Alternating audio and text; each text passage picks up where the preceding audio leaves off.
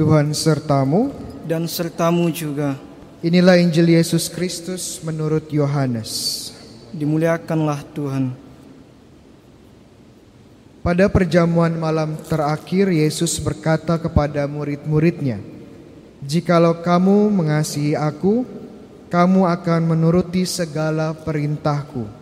Aku akan meminta kepada Bapa, dan Ia akan memberikan kepadamu seorang penolong yang lain, yaitu Roh kebenaran, supaya Ia menyertai kamu selama-lamanya. Dunia tidak dapat menerima Dia, sebab dunia tidak melihat Dia." dan tidak mengenal Dia, tetapi kamu mengenal Dia, sebab Ia menyertai kamu dan akan diam di dalam kamu.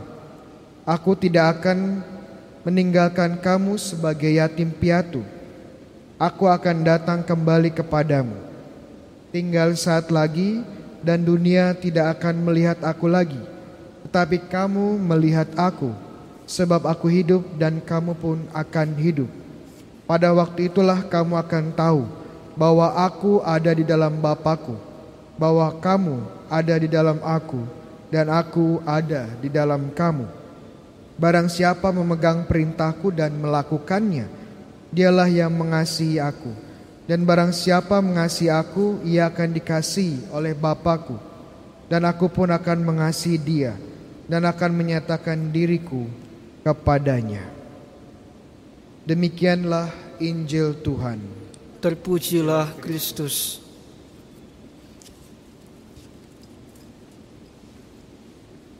Saudara-saudariku yang terkasih dalam Kristus, kalau kita kembali di dalam bacaan hari ini, Injil hari ini konteks bacaan adalah di dalam perjamuan terakhir sering kali disebut sebagai amanat atau pesan-pesan perpisahan dari Yesus. Perjamuan terakhir. Dan memang amanat perpisahan ini sering kita dengarkan dalam beberapa minggu terakhir. Entah itu bacaan harian atau bacaan hari Minggu. Amanat perpisahan. Amanat perpisahan ini sangat khusus, sangat unik ada di Injil Yohanes. Karena kalau teman-teman baca Injil yang lain, Martius, Markus dan Lukas biasanya malam perjamuan terakhir itu hanya beberapa ayat. Tidak sampai satu bab. Tapi kalau Injil Yohanes malam perjamuan terakhir itu ada setidaknya lima bab. Ya, lima bab dari bab 13 sampai 17. Dan salah satu isinya kenapa panjang ya ini. Karena ada amanat-amanat perpisahan. Amanat perpisahan kenapa Romo? Apakah Yesus ingin berpisah dengan murid-muridnya? Jawabannya benar karena Yesus akan pergi dari murid-muridnya ke mana dia akan kembali kepada Bapaknya di surga. Dan ini akan dia lakukan kembali ke Bapaknya di surga kapan? Saat dia naik ke surga. Yang kita akan rayakan minggu depan ya minggu depan tuh lima ya empat hari lagi ya hari Kamis depan. Jadi jangan lupa untuk menghadiri Ekaristi live streaming juga ya hari Kamis merayakan kenaikan Tuhan. Nah dalam mungkin kita bertanya kenapa Tuhan ingin berpisah dengan para muridnya dan dia menjawab bahwa perpisahan ini adalah sesuatu demi kebaikan para muridnya. Kalau kita lihat lebih dalam tentunya kita tidak ingin berpisah dengan orang-orang yang kita kasihi. Kalau kita mencintai seorang kita ingin ya selalu bersatu berkumpul dengan dia, dengan mereka. Tapi Yesus malah ingin berpisah dengan para muridnya. Kenapa ya seperti itu? Mungkin karena kalau kita lihat lebih dalam perpisahan atau melepaskan seseorang yang kita kasihi itu adalah juga bagian dari kasih. Contoh konkret orang tua dan anak ya, saling mengasihi. Tentunya orang tua tidak ingin berpisah dari anaknya. Tapi ada waktunya ya, demi kebaikan sang anak, orang tua harus merelakan anaknya pergi dari dia, dari mereka. Saat anaknya tumbuh, anaknya harus pergi ke sekolah, meraih pendidikan. Ini perpisahan tahap pertama. Kemudian saat bekerja, semakin jauh lagi. Dan saat berkeluarga, orang tua harus merelakan anaknya membangun keluarga sendiri. Karena ini adalah bentuk kasih, percaya bahwa sang anak dapat tumbuh lebih baik lagi. Tumbuh berkembang lebih dewasa lagi. Dan ini yang dilakukan oleh Yesus. Dia pergi, dia berpisah dengan para muridnya karena dia mengasihi murid-muridnya. Dia percaya bahwa murid-muridnya akan tumbuh lebih baik kalau dia tidak terlihat di antara mereka.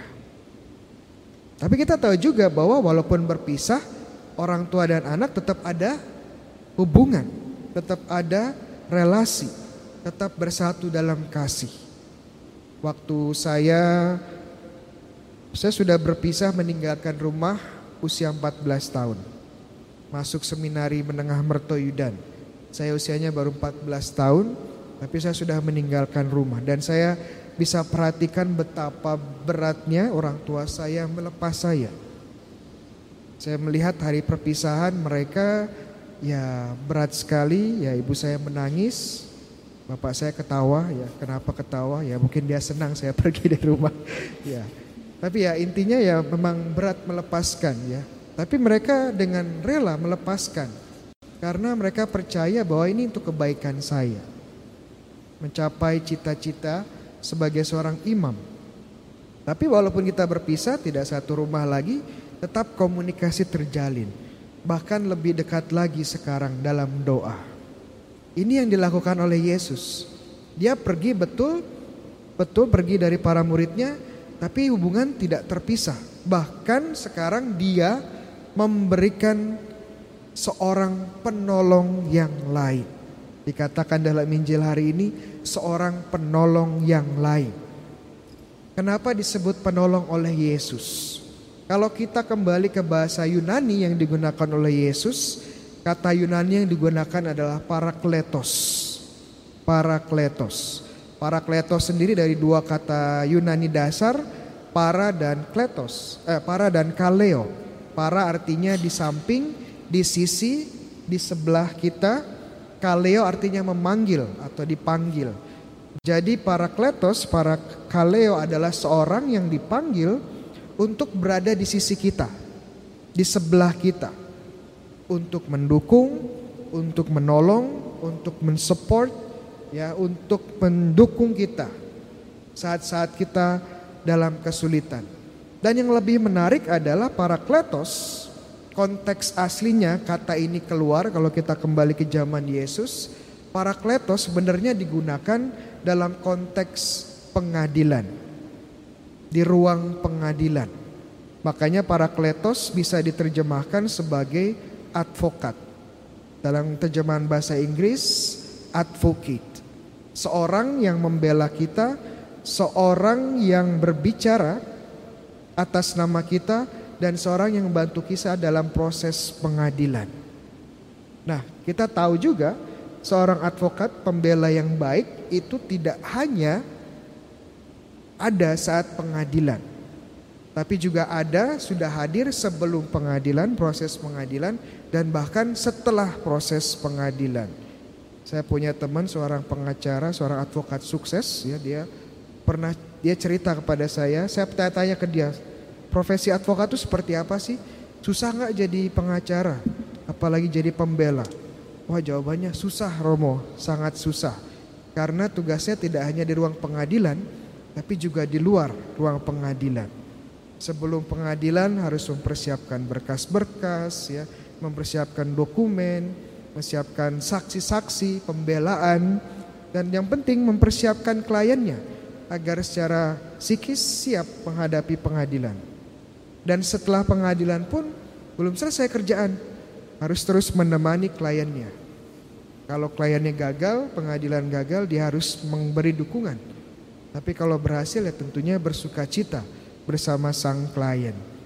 Ini kenapa Tuhan Yesus memberikan kita roh kudus dan menyebut roh kudus sebagai parakletos. Karena roh kudus adalah orang yang membela kita dalam ujian kehidupan, di depan pengadilan kehidupan. Dan benar saja, kalau kita perhatikan kisah para rasul setelah Yesus pergi apa yang terjadi? Mereka akan menghadapi banyak pengadilan di dalam hidup mereka. Setelah Pentakosta, Rasul Yohanes dan Petrus mulai mewartakan Yesus. Dan saat mereka mewartakan Yesus, mereka langsung diadili, ditangkap dan diadili oleh para penatua. Kemudian Stefanus, dia saat mewartakan Yesus difitnah, menghujat Allah dan akhirnya dilempar batu sampai mati. Belum lagi Santo Paulus saat mewartakan Yesus dia dipukuli, ya, dicambuk, dilempar batu, dipenjara, diadili berbagai, berbagai macam orang dan akhirnya dia pun memberikan hidupnya kepada Yesus. Dan ini hanya contoh-contoh, beberapa contoh, masih banyak contoh-contoh yang lain. Saat mewartakan Yesus, mereka harus menghadapi pengadilan kehidupan, pengadilan dunia. Dan saya rasa rasul-rasul dan para martir, para kudus tidak akan kuat menghadapi pengadilan dunia tanpa bantuan dari Roh Kudus, Sang Parakletos yang menguatkan kita, yang mendukung kita, yang membela kita di hadapan pengadilan dunia. Saudara-saudara yang terkasih, sebagai murid Kristus kita menghadapi masa sulit sekarang ini yang disebabkan oleh virus corona COVID-19 di mana-mana serba sulit. Tetapi sebenarnya kalau kita lihat kita ini banyak yang beruntung juga. Kenapa kita beruntung? Karena kita masih bisa tinggal di rumah tanpa harus khawatir mau makan apa nanti. Anda sangat beruntung jika Anda bisa dengan tenang menikmati live streaming, misa live streaming ini tanpa ada gangguan, tanpa kekhawatiran. Bahkan yang lain nonton misa live streaming menjadi hobi ya, sehari bisa tiga kali. Udah kayak minum obat ya. Dan dibanding-bandingkan wah ini romonya kok nggak bagus ya homilinya? Wah ini dengan romo ini aja ya. Kenapa ganteng ya jadi kok seperti itu? Jadi ini menjadi kenikmatan tersendiri bukannya mengalami kesulitan malah mendapatkan kesempatan. Dan Anda beruntung jika bisa seperti itu. Sebab orang lain umat Kristiani yang lain belum tentu bisa ikut live streaming. Cari makan saja susah, ya, apalagi mau live streaming susah. Bagi banyak orang, pandemi ini berarti tidak hanya kehilangan kesempatan beribadah, ini juga kehilangan kesempatan mencari nafkah, mencari sesuap nasi, dan bahkan juga tidak hanya kehilangan pekerjaan. Bagi banyak orang, mereka pun kehilangan kesehatan mereka mereka kehilangan orang-orang yang mereka cintai. Kita beruntung kalau kita masih bisa, kalau Anda masih bisa melihat saya di internet, berarti Anda sehat, berarti Anda mempunyai sesuatu yang lebih dari banyak orang. Ya. Dan ini suatu yang hal yang kita dapat syukuri. Memang betul dalam masa pandemi ini kita perlu memohon Roh Kudus, para kletos hadir di tengah-tengah kita di samping kita untuk mendukung kita. Tetapi saya rasa ada satu roh, karunia roh kudus yang perlu kita minta secara khusus pada minggu hari ini. Secara khusus nanti saat kita menerima roh kudus saat Pentakosta, karunia apa? Bukan karunia penyembuhan, bukan karunia bahasa roh, bukan karunia nubuat. Karunia apa? Saya mohonkan agar kita pun bisa menjadi para kletos-para kletos kecil. Menjadi orang-orang yang siap dipanggil di membantu teman-teman kita, saudara-saudara kita yang masih menderita saat ini. Sedikit cerita di paroki Redemptor Mundi kita sangat diberkati ya, sangat diberkati. Banyak umat yang mensupport, banyak yang memberikan bahan-bahan makanan dan bantuan. Dan melihat betapa murah hatinya orang-orang umat Romo paroki kita dan juga romo-romo yang lain juga dibantu dengan uh, Dewan Pastoral Paroki dan umat yang lain kita pun langsung bekerja ya. Kita packing satu-satu ya, kita lalu kita bagikan kepada saudara-saudara kita yang masih berkekurangan. Ini tentunya bagian kontribusi kita menjadi parakletos parakletos kecil di antara orang-orang yang membutuhkan.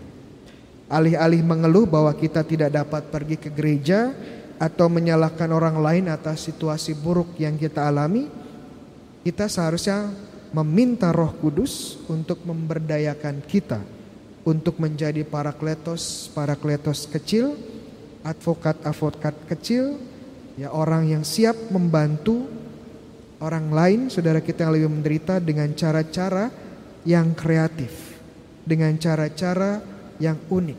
Dan kita mohonkan agar Roh Kudus sungguh bekerja dan mengubah kita menjadi parakletos. Amin.